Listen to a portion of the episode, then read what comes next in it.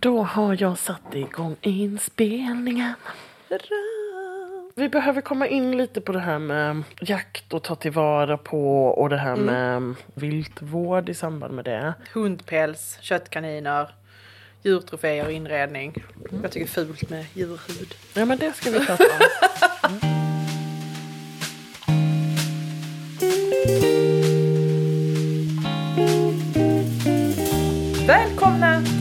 Annorlandet.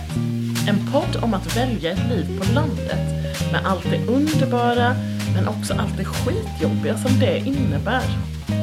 Stämmer den bonderomantiska drömmen? Ja men det är det vi ska utforska i den här podden. Och ni kommer att träffa mig, Anna Lidbergius. Och mig, Anna Tenfelt.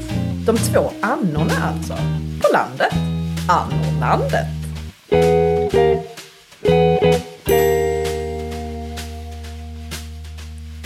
Hej Anna! Hallå Anna! Du, alltid lika härligt att se dig. Alltid, alltid. Särskilt eh, en dag som denna när solen skiner. Ja, då, ja, Då känns livet lite Lite enklare. enkelt och lite gött. Ja, Underbart. Idag ska vi prata om ett ämne som eh, för många kanske inte är enkelt och gött. Nej, Utan lite, lite, lite kontroversiellt och jobbigt. lite känsligt helt enkelt. Ja. Vi ska ju prata om eh, slakt och eh, styckning och så. Ta hand om eh, djur. Ja, och det kanske man inte pratar om varje dag inne i stan, tänker jag. Det är kanske Nej. ett ämne som man pratar om mer ute på landet. Vi pratar väldigt mycket om det. Ja. Ja, det är en Eller är ganska... det en fördom jag har? Nej, det tror jag inte. Eller det beror ju på. Jag menar, det är klart att det finns massa människor inne i stan som, som till exempel som är jägare. Mm. För dem är det säkert, i alla fall under jaktsäsong, en, eh, en närvarande grej med slakt och styckning. För Eller, så kanske man, eller så kanske man pratar mycket om det för att det är någonting man vill fjärma sig från och har valt en annan kosthållning. Du tänker vegetarianer? Ja, det tänker jag. Mm. Skulle man titta på det rent trendmässigt så tror jag att det är en överrepresentation med vegetarianer som bor i stan i jämförelse med på landet. Eller? Ja, men det tror jag också. Det är ju, nu kanske det här bara är en fördom, men, men det tror jag faktiskt. Så jag är kanske en udda fågel då som sitter här ute på landsbygden och inte äter några djur. Just det. Och jag tycker att det är eh, jag tycker att det är så spännande med dig Anna för att du är ju vegetarian och dina barn är också vegetarianer. Mm. Men du kan ju till exempel avliva eller slakta och stycka djur. Ja, Ja. och det är kanske jättekonstigt. Nej men alltså jag tycker ju inte att det är det. Jag tror att det är ovanligt tänker jag. eller? Tror du inte det? Ja, alltså det skulle det ju säkerligen kunna vara. Men jag tror också, du och jag, det är ju lite grann det här perspektivet vi har på den här pratan idag. Att är det inte spännande att det är så väldigt många människor som stoppar kött i munnen men som inte vill ha med slakt och avlivning att göra? Jo. Alltså du och jag har sagt det så många gånger. Vad är det som är så känsligt med det här? Vad är det som gör att det är så mycket enklare att välja en köttbit som ligger förpackad i en plastförpackning på band? På liksom löpande band allihopa. Jämfört med att, att eh, på något sätt bekanta sig med att man faktiskt behöver bringa ett djur om livet. Ja. Nej men och, och just det där med liksom köttdisken versus eh, den, eh, hur det faktiskt ser ut i verkligheten då. Jag bara tänker, jag går till mig själv att eh, i höstas när vi hade stora tuppslakten eh, så la jag ut ett inlägg om det på våra sociala medier på Annorlandet. Ja. Och då satte jag en triggervarning på det inlägget. Ja. Och så la jag en, en första bild som, som inte hade något med slakten att göra. Så att du inte, alltså ingen tvingades se något som var obehagligt. Och så satte jag en triggervarning på Gud. slakt. Och det står inte triggervarning ute på Coop eller på ICA Maxi innan du går in. Nej, nej, det gör det ju inte. Gå inte in! Akta! Här ligger döda djur i köttdisken! Titta inte på dem! Och i ärlighetens namn så är det ju otroligt mycket liksom, bättre förhållanden under vår tuppslakt än vad det är på de djuren som ligger i frysdisken som folk går förbi varje dag. Ja, och det vet ju alla. Alla Mm. Om vet ju egentligen, efter vet ja, men alla det. vet ju egentligen det här att det hade inte gått att köpa en kyckling sådär billigt om den hade mått jättebra under sin livstid och bott under helt fantastiska levnadsförhållanden. Det gör de ju inte. De bor ju packade som sillar och liksom, de är bara till för produktion. Ja, de äter upp varandra liksom. att de, Ja. nej, men, och det är ju fruktansvärt. Alltså det är ju faktiskt rätt fruktansvärt vilken djurhållning vi har. Mm. Och då har ju vi ändå relativt god djurhållning i Sverige. Ja, men jag tänker också det. länder. Sverige har ju ändå rätt så reglerat i lagstiftning och kring allt hur du får lov att hålla djur. Särskilt inom industrin. Men jag tänker ändå det har ändå kommit fram ett så stora skandaler. Kommer Oh, ju med ja. jämna år liksom hur liksom missförhållandena ser ut och hur, hur djur behandlas. Ja. Ja, Och det tänker jag ju att det om någonting borde väl vara en triggervarning för folk. Verkligen. Men sen är det vi då, vi som verkligen vet att våra djur har det superbra.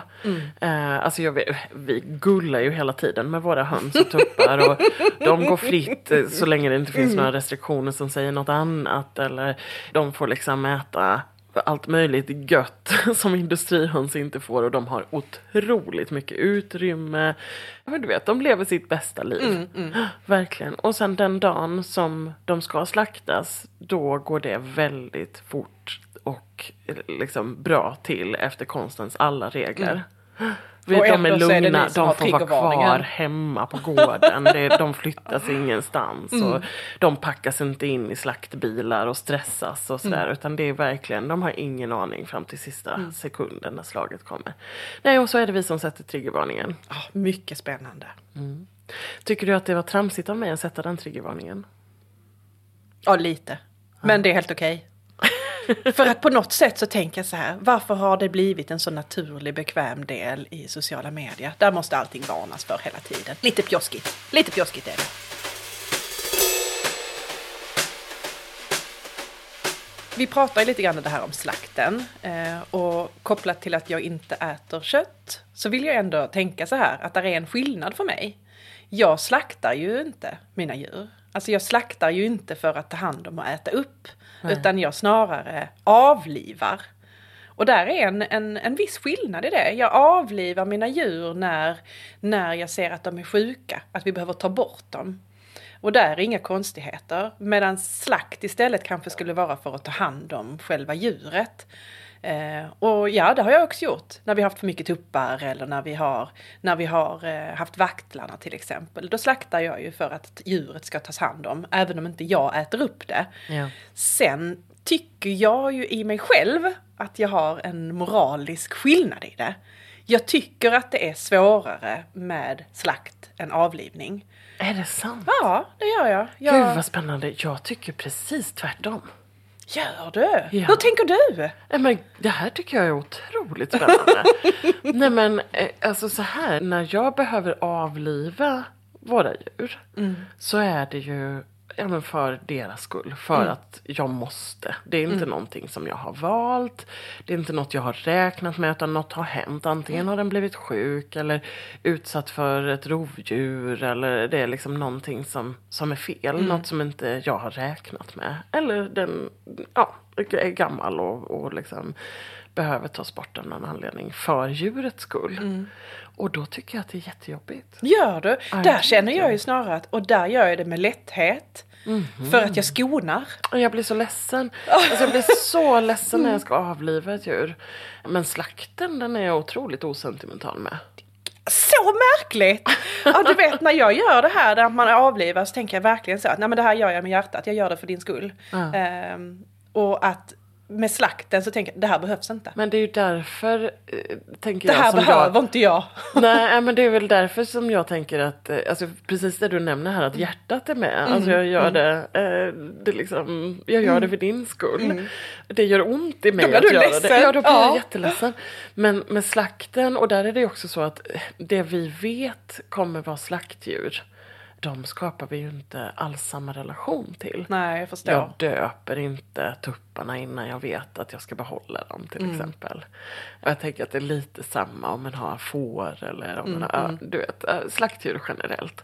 Att eh, de du vet att du ska slakta, ja men självklart tar du lika väl Mm. hand om dem och sådär. Men du kanske inte blir det här gullandet och bärandet och, och namngivandet och sådär. Mm. Utan där finns det liksom en plan. Att så här, men det här är ett slaktdjur, det ska ner i grytan så småningom. Eh, ingen relation här. Och jag tänker ju så här, det här behöver jag inte göra. Vad onödigt. Så Mm. onödigt att ta bort fullt friska djur och så tycker jag att det känns moraliskt fel. Men tror du då att skillnaden är att för mig blir det så här, ja, istället för att köpa djur som har haft ett vedervärdigt liv Ja, i butik för att jag ska äta det. Så när jag slaktar då är det liksom en, jag gör det med stor vördnad för djuret. ja så här, absolut tror det jag att det är så. här ska, alltså det här djuret kommer ge mig och min familj mat under hösten säger Ja, men precis. Och det kommer komma till sån stor glädje Mm. och jag är så tacksam för det här djuret. Och det gör att jag slipper köpa ett djur som redan är slaktat som har levt ett mycket sämre liv. Ja men precis. Och jag tänker väl också så här, det är också därför jag kanske uppskattar den formen av djurhållning och eh, köttätande. Men eftersom inte jag själv vill äta köttet så skulle det ju bli helt ocirkulärt. Det sluts ju inte hos mig på något sätt. Nej. Det blir, det blir liksom bortkastat. Och då känns det fult. Fult och snuskigt. Ja. Men du ger ju ändå bort köttet då till andra som kan äta det. Du slänger inte köttet. Nej det gör jag inte. Utan vi har ju använt, framförallt när det har varit ungtuppar som vi har tagit bort tidigt så har det varit, vi har sagt det för hundfoder. Eh, Men eh, djur som har blivit äldre och som vi har tagit upp, de får gå vidare till folk som faktiskt äter kött. Och som uppskattar det. Och som uppskattar att här får jag ett djur som har levt väldigt gott. Och då mår jag ju rätt så bra i det. Men jag tycker ju ändå inte om det. Det är inte därför jag har mina djur.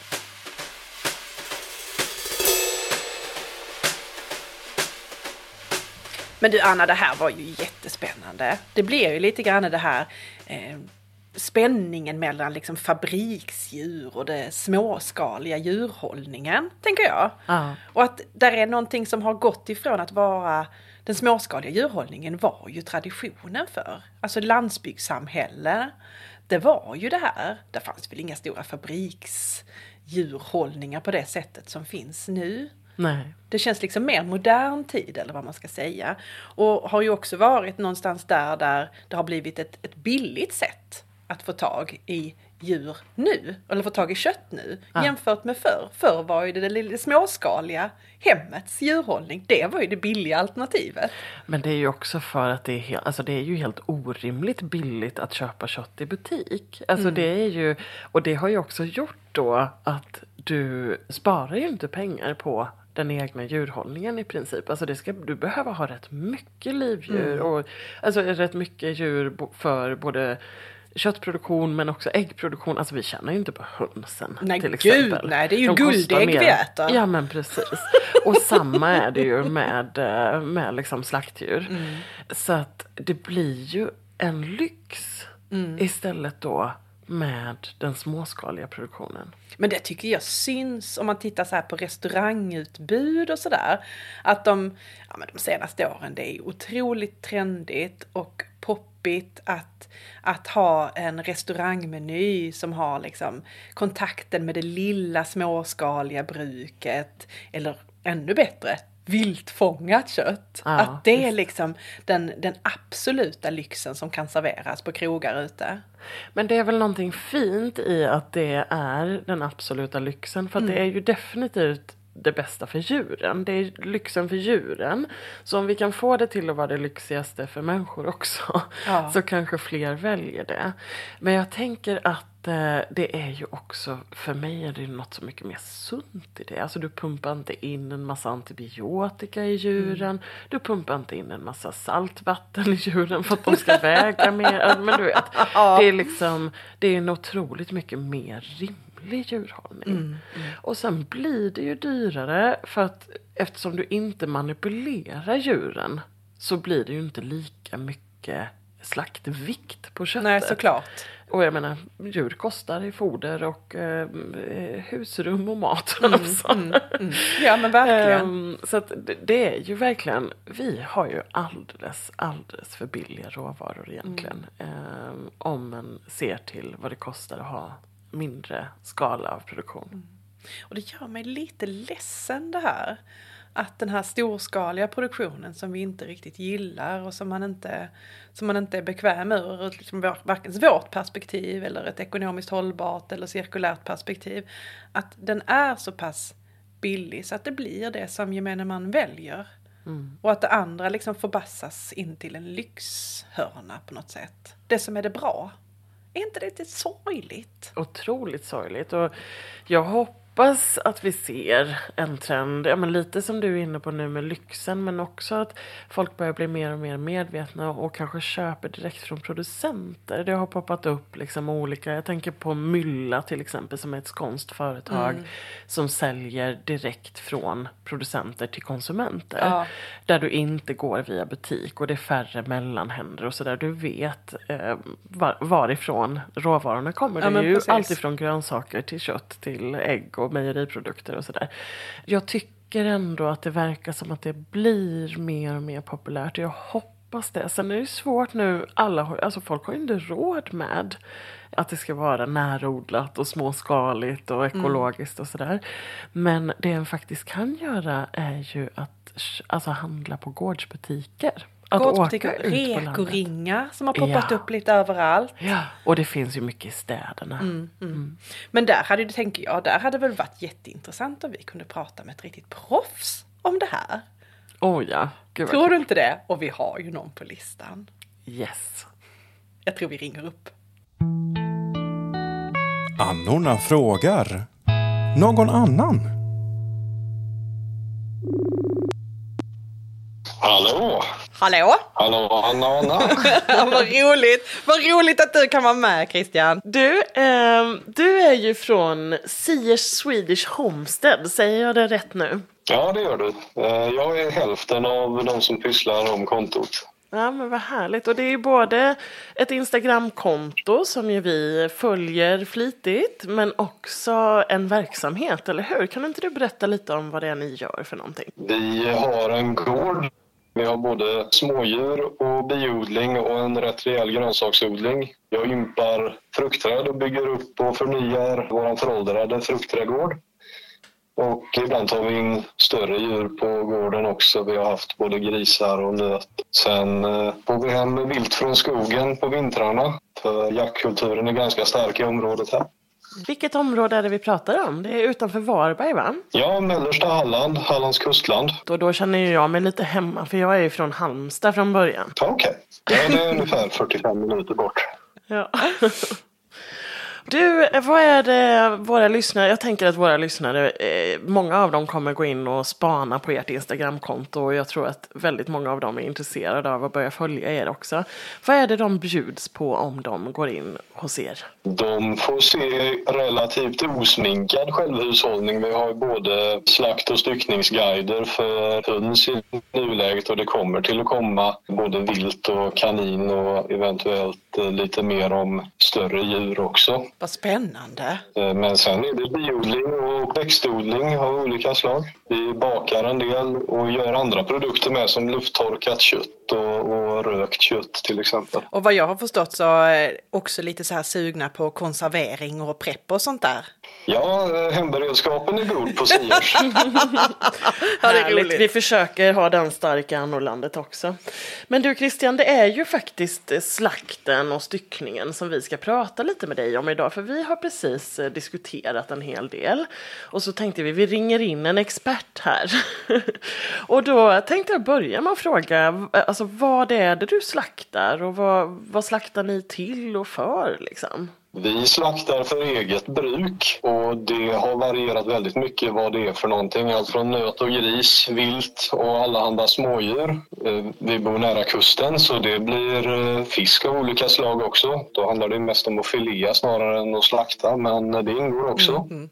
Den enda yrkesmässiga erfarenheten jag har är att jag har stått i viltslakteri en kortis och hanterat mest dovhjort och vildsvin. Gud vad spännande. Men vi säljer inte kött i dagsläget. Vi har till exempel aldrig kött med när vi står på Reko Ring eller marknader och sånt. Eh, Skulle man göra det så hade man fått lägga upp det som så att vi säljer livdjur och sen visar och hjälper den som har köpt djuret hur man går tillväga för att slakta och stycka det. Varför är det så då? För att köttförsäljning kräver ett godkänt slakteri eller att man lämnar bort djuret till ett godkänt slakteri. Och för ett mindre slakteri för fågel och kanin så är det dyrt men görbart. Eh, För större djur som gris och nöt så är det i princip omöjligt för privatpersoner för då kommer man upp i regelverket som är samma som gäller för Scan till exempel. Ja, jag förstår. Och vad är det då för regler som man liksom behöver förhålla sig till? De är ganska enkla på ett fågel och kaninslakteri. Där handlar det mest om att man har eh, kan visa på att man har en metod som håller god hygien genom hela processen. Men man ska ju ställa i ordning utrymmet och även om man skulle ha det gratis så är det ändå numera en årsavgift så man får ägna sig en del åt att eh, slakta hemma om man ska ha råd med det och det ska gå ihop sig. Mm-hmm. Alltså det, jag förstår ju såklart varför det finns eh, reglementen kring eh, sånt här. Det är ju jätteviktigt och samtidigt så känns det som att det blir svårt för eh, gårds, alltså småbrukare att sälja kött och sådär som faktiskt kommer från välmående gårdar. Jo, men det är det. Eh, de som har större djur som till exempel lantrasgrisar och får lämna bort det till ett godkänt slakteri, de, eh, det, det tar på lönsamheten rejält för dem.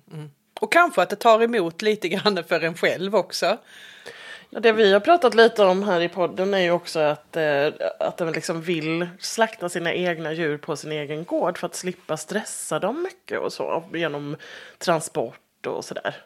Ja, det var det jag skulle kommit in på där att för när jag var liten så födde min far upp helt vanliga rosa slaktgrisar. Vanlig treraskorsning, samma som alla andra industrier. Han var lantbrukare vid tillfället.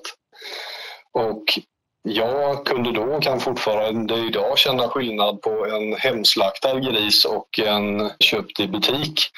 Och jag tror att grisen den är lite för intelligent för att transporteras på det viset. Den stressen sätter sig i köttet och förändrar konsistensen och smaken. Ja, det är det är jättespännande, men du är inte den första som jag hör säga det här. Och, alltså, det är ju verkligen så att den upplever smaken från vilt eller smaken från hemslaktat extra lyxig på något vis. Ja, men så är det. Det är en stor anledning till att vi håller på som vi gör. Eh, vi, vi köper väldigt sällan andra köttprodukter än till exempel eh, ja, korv och sådana saker.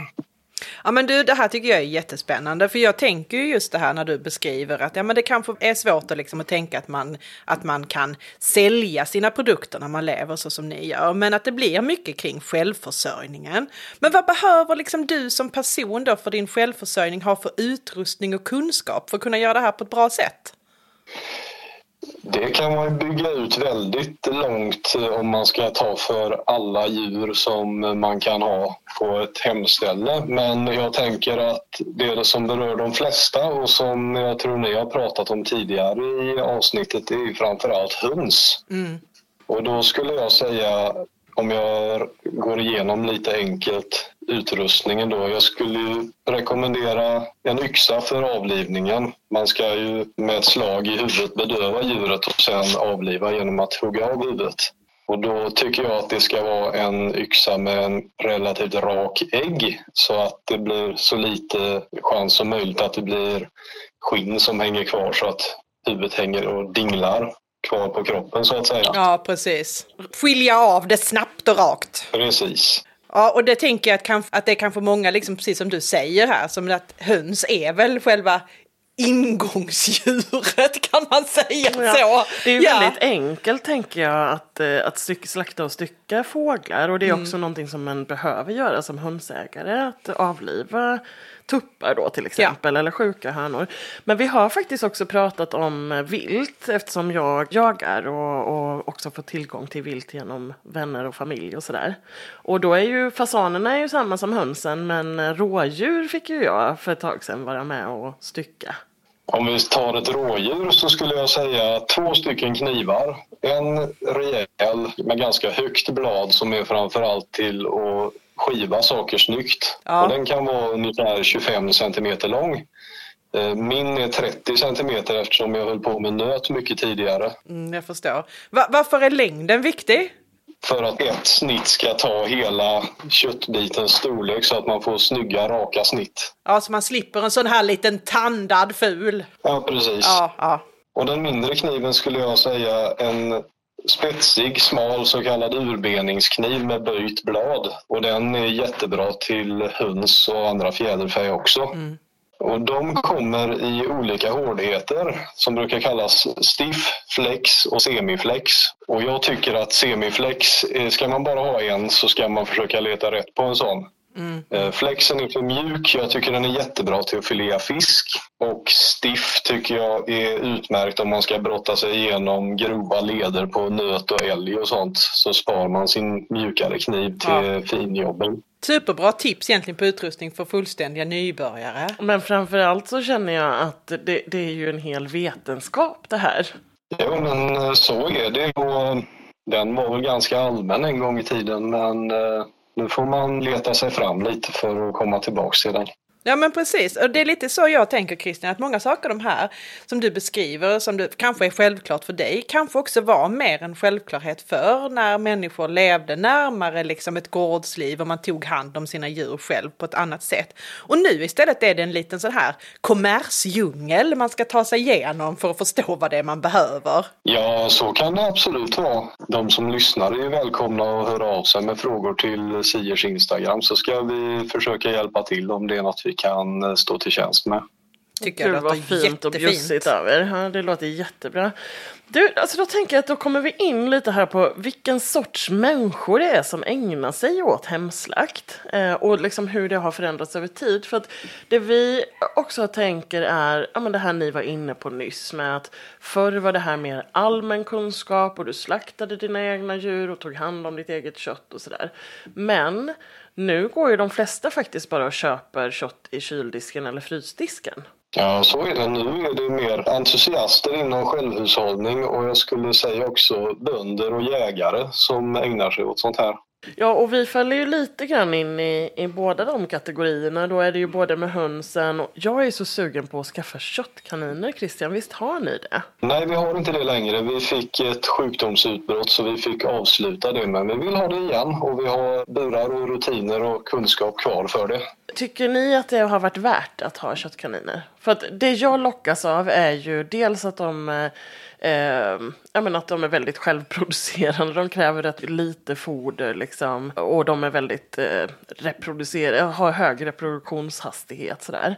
Men eh, också att det ska ju vara det mest ekologiska köttet som man kan äta. Jag tycker att det är jättevärdefullt att ha kaniner för egen köttproduktion och jag vill som sagt ha det igen. Jag hade inte slutat med det om det inte var så att jag behövde sanera här.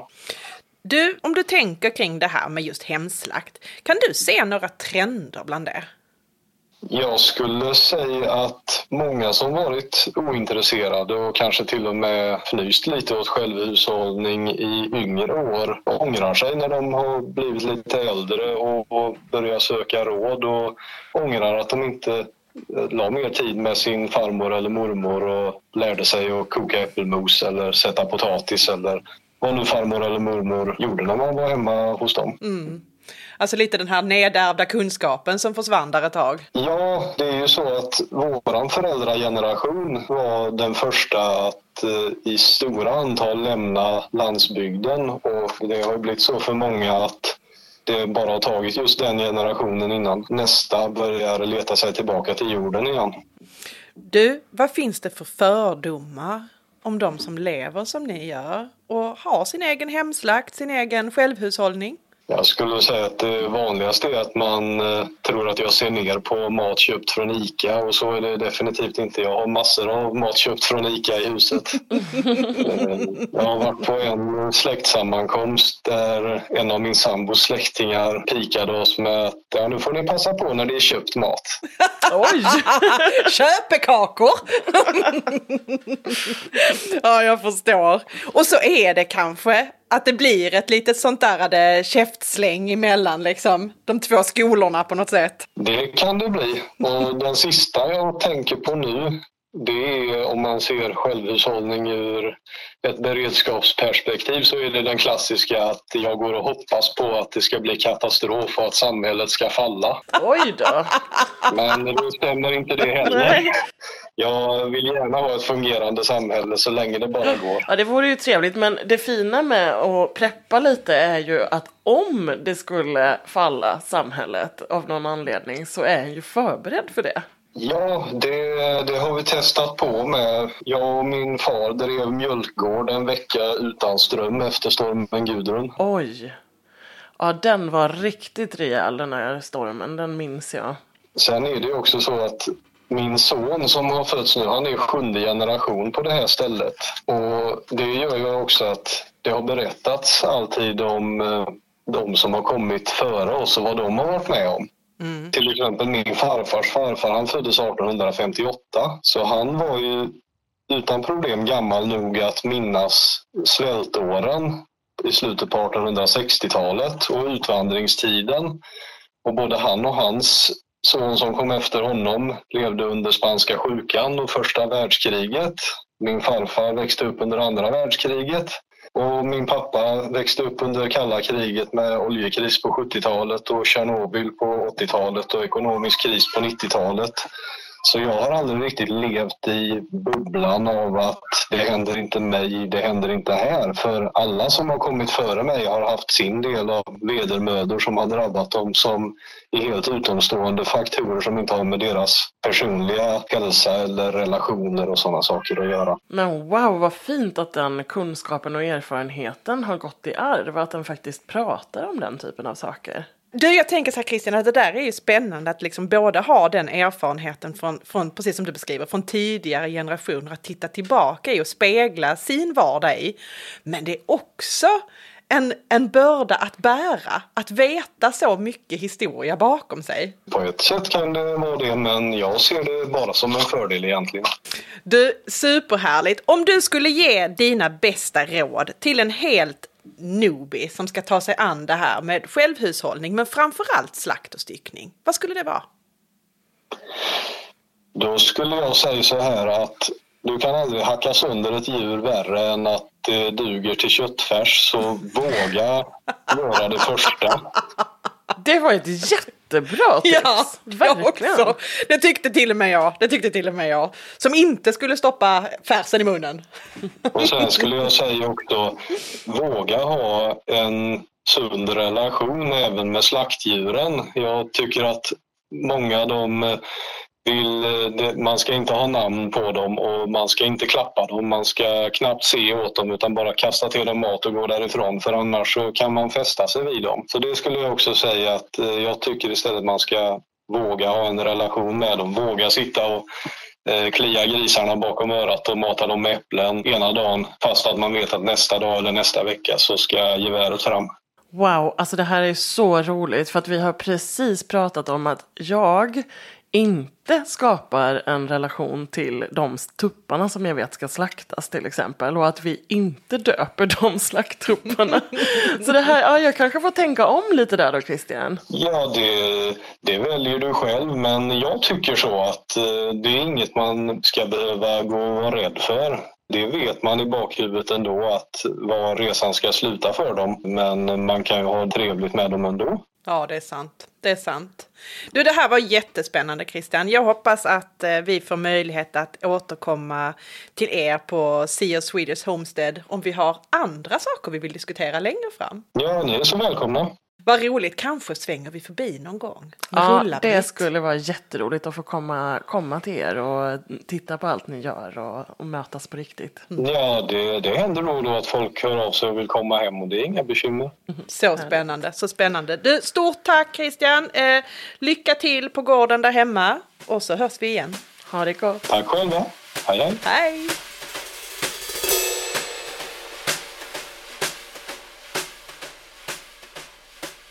Gud vad spännande att höra Anna. Alltså jag älskar ju våra, när, höra våra gäster berätta om saker. Ja men Vi verkligen. lär Och- oss ju saker varje gång. Och så, så roligt ändå att när det är kontakter vi har knutit genom, genom vår podd. Ja, verkligen. Ja, superkul, superkul. Och många, många kloka tankar. Mm. Mm, absolut.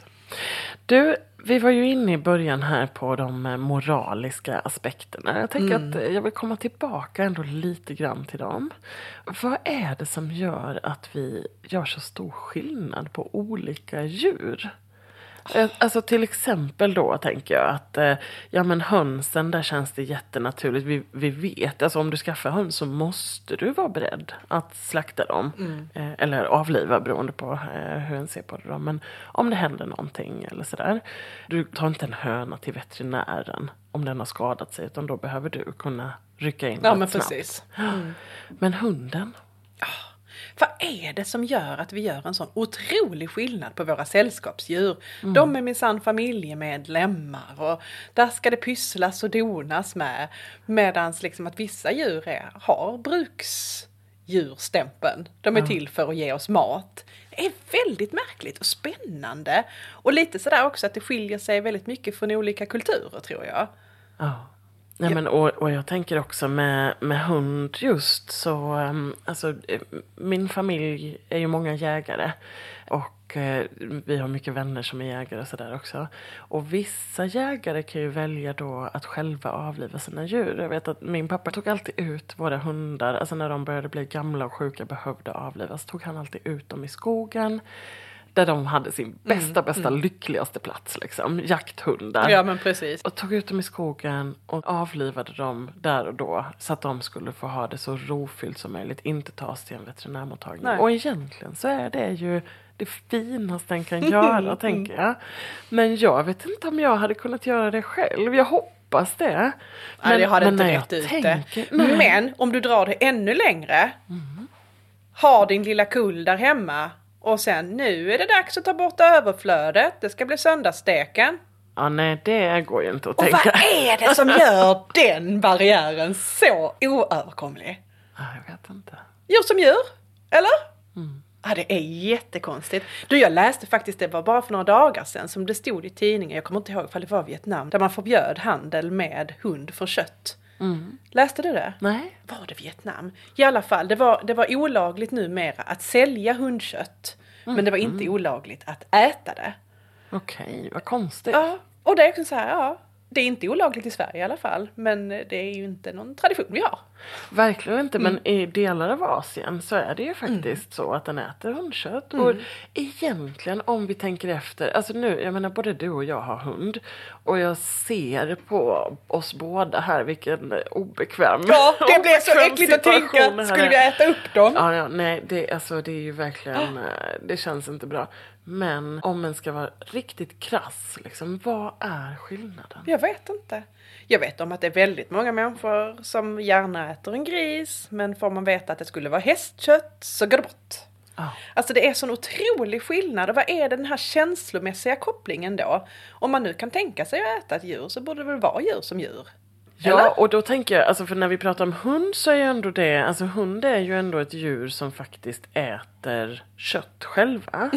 eh, och vi brukar ju, alltså vi människor brukar ju inte äta karnivorer liksom. Alltså vi brukar ju då äta djur som äter grönsaker och, och eh, ja, inte animaliska produkter helt enkelt, vegetabiliska produkter. Herbivora. Så det skulle en ju, ja det kanske det heter, ja, vad fint. Eh, och ehm, eh, då skulle en ju kunna tänka så då att nej men hund vill vi inte äta för att de är köttätare själva. Ja. Men hästar är inte köttätare. Nej. Varför är det så hemskt? Ja, Jag förstår inte heller. Och jag menar fisk äter ju kött. Ja, Och det äter man. ja och alltså det är det Hela det gulligheten. Jag vet inte. Men är inte, är inte kossor rätt så gulliga? Grisar är väl ett av de bästa djuren Alltså, som finns så i gulliga, gullighet. de är så gulliga. Vi har nämnt så många gånger det här med att vi funderar på köttkaniner. Jag Ja. hoppas att vi i år kan ta in köttkaniner. Men där är det, alltså folk har ju blivit galna Mm, ibland när vi har berättat om det här med köttkaniner. Och det måste ju vara för att de anses vara gulliga. Ja, det måste det vara. Men jag tänker så här, viltkött vill ju ändå de flesta påstå att ja, men det är fantastiskt, det är sunt och det är ett gott kött och det är liksom lyxigt. Gulliga rådjursögon. Ja, Alltså, de du vet. gulliga. Ja, de Ja men äter man ju. Hjort hjortarna, Ja. de är supergulliga. Ja, det kan inte ha med Och ärligt talat, alltså hararna, de är också, jag, jag gjorde en hargryta här veckan. Väldigt, väldigt gott kött, harkött. Men harar ser ju bara ut som stora kaniner. Så att om kaniner Mm. är gulliga så är väl de också gulliga. Ja men där är någonting i det här som är svårt att klassificera. När är det okej, när är det det inte? Vad är det som gör att vi blir så provocerade av det här och att olika djur påverkar oss så olika? Och som jag sa innan, att jag blir ju inte sådär. Jag är inte, jag är inte en, en provocerad vegetarian. Så länge jag slipper stoppa saker och ting i munnen så är jag jättenöjd. Men jag önskar att folk väljer bättre när det gäller sina köttval. Ja. Jag tycker inte om de storskaliga produktionerna. Jag tycker att det är under både djurens och vår egen värdighet faktiskt, jag ska vara ärlig.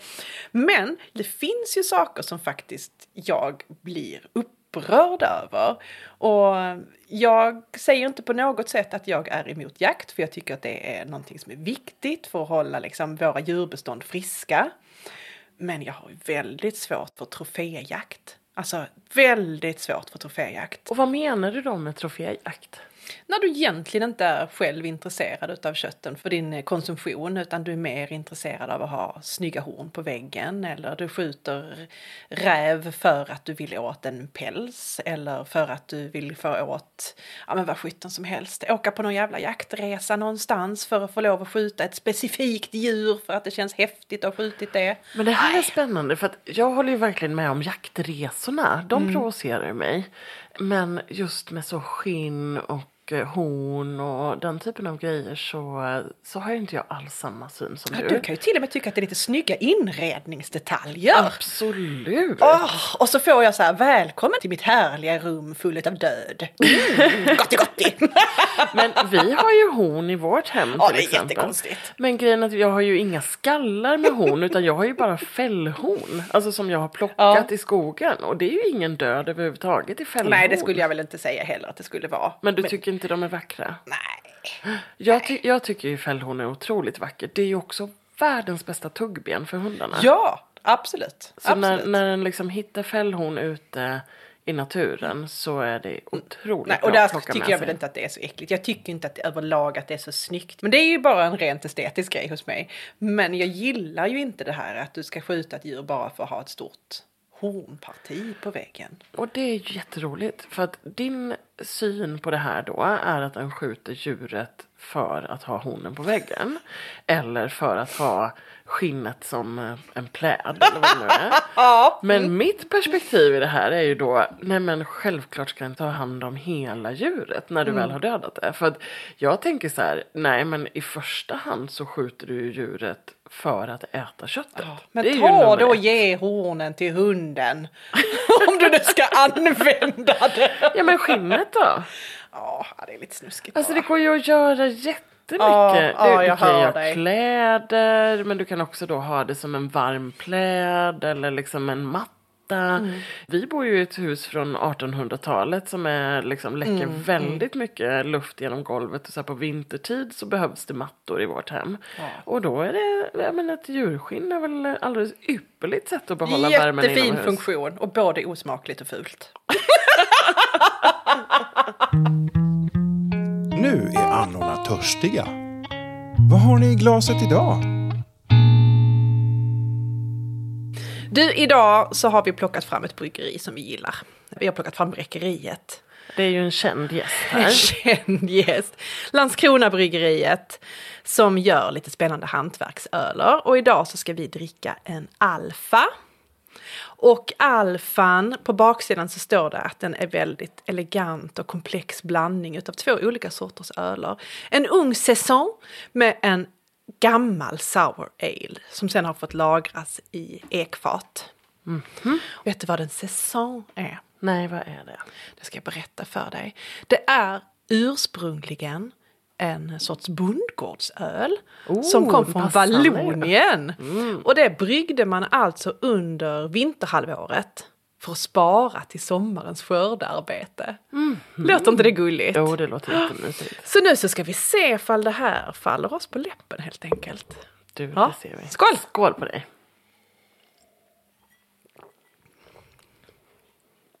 Ja men Anna, Nu får du sluta bjuda mig på öl hela tiden. Ja, men det här var gott. Nej, det var Tyckte inte du så inte? gott. Ja men så här. Jo, jag gillar syrligheten Den är i den. väldigt syrlig. Mm, men den smakar jättemycket öl. Ja, där är, där är ölsmak på den här. Det är inte bara frukt, eh, fruktsmaken, det här är öligt. Men surt. Det här tyckte jag var sjukt gott. Vad är det du säger? Men har du någon slags mission här? Att du ska bjuda Mm. Du ska mig på så många öler att jag börjar gilla det? Ja, liksom. så är det. Så är det. Nästa gång kanske jag får leta upp lite vin då. Men den här tyckte jag, jag kommer dricka den här igen. Alfa, ni. Alltså jag ska säga så här, gillade verkligen syrligheten i den. Alltså Mm. jättefin syrlighet. Hade jag gillat öl så hade jag nog tyckt att den här var Mm. fantastisk. Jag tror att den här är till för de som vill smaka syrliga öler men som inte vill gå på det tunga artilleriet med en gång och få riktigt de här fermenterade tunga smakerna. Det här, det här är nog lite mer lättsmält för, precis som du säger, den vanliga öldrickaren när man vill ta steget över till suröl. Vet du vad det påminner mig lite om? När en på sommaren, och det gillar jag ju ändå, nu motsäger jag mig själv lite grann, men på sommaren så kan jag tycka att det är gott med någon ljus, alltså typ så corona. Med en limeklyfta i som sitter kvar i halsen så att den riktigt filtreras genom limen. Det här påminner mig om den smaken. absolut gör det det. Och då tänker jag ju att då känner man ju den här säsongen i den. Om man tänker att den skulle svaras till skördearbetet under sommaren. Och stå och svalka sig med denna dryck då. Ja, du ser. Gott, gott, gott. Nu börjar jag längta efter sommaren kände jag. Och jag börjar längta tills jag börjar gilla öl. För det hade varit väldigt härligt att tycka mycket om den här. ja, det hade varit lättare dagar för dig här på podden. ja, men du, jag rekommenderar den, du inte så mycket. Ja, men jag rekommenderar den till de som gillar öl supermycket. Jag rekommenderar den bara inte till mig. Ja, ja. Bättre lycka nästa gång. Skål!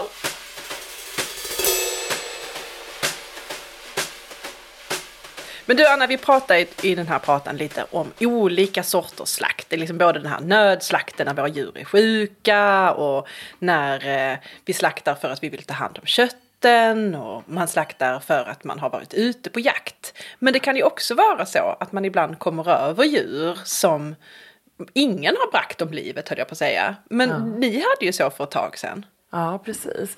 Jag håller ju på att ta jägarexamen nu så att jag jagar ju inte själv med, och våra hundar är ju också för unga än så länge för att själva gå på jakt. Däremot så, jag kan ju gå med på jakt och sådär. Men däremot så har jag ju också eh, i min närhet både vänner och familj som jagar. Och som då har jaktmarker. Och min far äh, bor i Halmstad, eller utanför Halmstad och äh, har egna jaktmarker. Och jakträtten då, där ingår det också djur som har skadats, till exempel blivit påkörda. Ja, men precis. Så att om det är så att ett djur har blivit påkört och alltså då måste du ju en person som har kört på ett vilt måste ju kontakta polisen. Och sen så skickar de ju ut en eftersöksjägare då som ska ta hand om djuret så att det inte behöver lida. Men sen när djuret har påträffats och avlivats då går köttet eller liksom djuret och ansvaret för djuret till den som har jakträtten på Ja, marken. precis. Den tillfaller liksom Ja. det jaktlaget eller de personerna som Ja, har precis. jakträtten. Sen finns det lite olika. Det finns statens vilt, alltså sånt som, som inte det finns en jakträtt på och sådär. Och då är det staten som det tillfaller. Men, men eh, det ska vi inte ge oss in på just nu. Vi kanske tar det i ett annat Ja, specialavsnitt kan vara lite om kul jakt. om jakt någon annan Ja, gång. ja, verkligen. Ehm, men i det här fallet då, då var det så att det var ett rådjur som hade blivit påkört. Och en eftersöksjägare med eh, eftersökshund som hade varit ute och eh, hittat rådjuret och avlivat det så att det skulle slippa lida. Och sen så var det då, hade det fällts på min pappas jaktmark. Ja, Så då ringde pappa och så sa han eh, Hörni, vill ni ha ett rådjur i frysen? Men framförallt så har jag bett min pappa om att han ska lära mig mer om styckning Ja, av större vilt. För att fåglar är jag bra på, men större vilt är jag liksom inte hemma på än. Så att då fick vi åka upp till honom och hjälpa honom att stycka det här rådjuret. Och det var jättespännande verkligen. Dels att så, lära sig anatomin lite bättre på de stora djuren. Ja men precis. Var ska jag skära för att det ska bli så enkelt som möjligt? För att man Ja. ska få ut rätt sorts köttbitar. Och ta tillvara på Ja. så mycket kött som möjligt. Och där, det är en sån jätteviktig grej för mig. Att du tar tillvara på allt. Alltså det som inte är fina styckdetaljer. Ja men då tar du ju antingen det till grytbitar eller till att mala ner till köttfärs. Så att varje del av djuret ska tas om hand. Ehm, ja, men så då fick vi åka upp och ta tillvara på det här rådjuret så att det inte skulle förfaras. Det var jätte, jättekul att få lära sig mer och eh, komma lite närmre att själv kunna ta hand om även de stora vilten. Ja men gud vad roligt. Jag är ju uppvuxen av att stå med pappa i garaget och flå och hjälpa till att stycka rådjur. Vilket också är jättekonstigt. Det är ju ingenting som jag tycker är äckligt överhuvudtaget. Så fort de är döda så tycker jag inte att det är äckligt. Jag har ju ingenting emot att röra det, vill bara inte stoppa det i munnen. Men jag gillar ju verkligen det här att när djur blir skadeskjutna, att de tas om hand, att man ser till att de inte får lida och som i det här fallet, att de kommer rakt in i frysboxen till någon som jag vet kommer att njuta av dem. Ja, verkligen. Och det ska vi säga, så att vi har ju otroligt många mm, eftersöksjägare i Sverige som liksom gör ett otroligt jobb med alla, allt påkört vilt. Det kan provocera mig lite när folk är emot jakt eller emot jägare för att det är så mycket viltvård som görs av just jägare och jakthundar. Ja men precis. Eh, Alltså omhändertagande också, inte bara att så, ja, man skjuta djuret om det har blivit skadat för att någon har kört på det, utan också utfodring, tuffa vintrar till exempel. Eller, ja, men du vet att den eh, berikar markerna och gör Ja. dem bättre för djuren så att, så att viltstammarna ska överleva och klara sig så Och bra ta som hand möjligt. om lite trygghet i våra samhällen. För vi har ju faktiskt så att rovdjuren drar sig rätt så nära samhällena. Just nu här i Skåne har vi stora vargbestånd. Och det kan man tycka och tänka på vad skyttar man vill om. Men rent krasst, vargar ska inte leva så här nära samhällena som de gör. Och det tror jag att även om man är jätteförtjust i att vi har aktiv varg i Sverige så är det ingen som är sugen på att ha dem precis utanför förskolestaketet. Nej, verkligen inte. Och det har ju funnits flera exempel på när vargar varit inne i samhällen. Och bara nu för ett tag sedan så hade ju vi i Kågeröd, alltså samhället som är nära där vi bor, så var det faktiskt en, en varg inne i Folkets park där. Ja. Och då blir det genast rätt så obehagligt Ja. faktiskt. Man vill gärna värna om det här fria livet men eh, vi är också lite rädda för att ha dem nära. Så där kan vi väl säga att vi verkligen uppskattar att det finns jägare som kan ta de uppdragen också. Verkligen. Men du, jag måste bara flika in också. När du sa att du som vegetarian har varit med. När din pappa som är jägare har flott och styckat och sådär. Det var ett tillfälle för några år sedan. När mina barn fick frågan om de ville följa med och stycka en älg med min pappa. Mina barn är inte vegetarianer. De älskar kött. Äter väldigt gärna kött och inte minst vilt. Men det ville de inte för det var så hemskt. Det, det, de ville inte se hur det gick till. Och jag blev så provocerad. jag blev så otroligt provocerad. Så där och då så sa jag så här. Vet ni vad? Nästa gång ett tillfälle bjuds att vara med och slakta eller stycka eller sådär ett djur. Då antingen så följer ni med och är en del av det. Eller så slutar ni här och nu och äta kött. För ni kan faktiskt inte vara personer som är okej med att plocka kött ur, ur frysdisken. Men inte tycker att det är okej att se hur det faktiskt ser ut när en tar hand om ett djur på riktigt. Nej, jag håller helt med. Sund inställning tyckte jag. Undrar om våra lyssnare också kommer tycka att det här är en sund inställning idag. Ja, eller om de blir superprovocerade av det här samtalet. Det Vi får kanske blir. lägga triggervarning i början på avsnittet. Nej, det gör vi inte. Det gör vi faktiskt inte. Men du, jag tror att vi har pratat om det vi ville i det här avsnittet. Ja. Och undras vad ni tänker om det här. Med slakt och stickning och vad är det för skillnad mellan djur egentligen? Och triggervarningar, vad tycker ni om det? Är det trams eller är det jätteviktigt? Ja, superspännande. Vi hoppas på att vår mejlkorg kommer vara full med de här funderingarna. Verkligen. Ja. Tack för idag Anna. Och tack för att ni lyssnar hörni. Ja, hej. Hej då! Du har hört ett avsnitt av Annorlandet med Anna Lidbergius och Anna Tenfelt. Inspelat i Studio Mitt i Spenaten. Musik och ljudbearbetning av Rasmus Lidbergius och producerat av Henrik Smeding och Rasmus Lidbergius. Vill du komma i kontakt med annorna?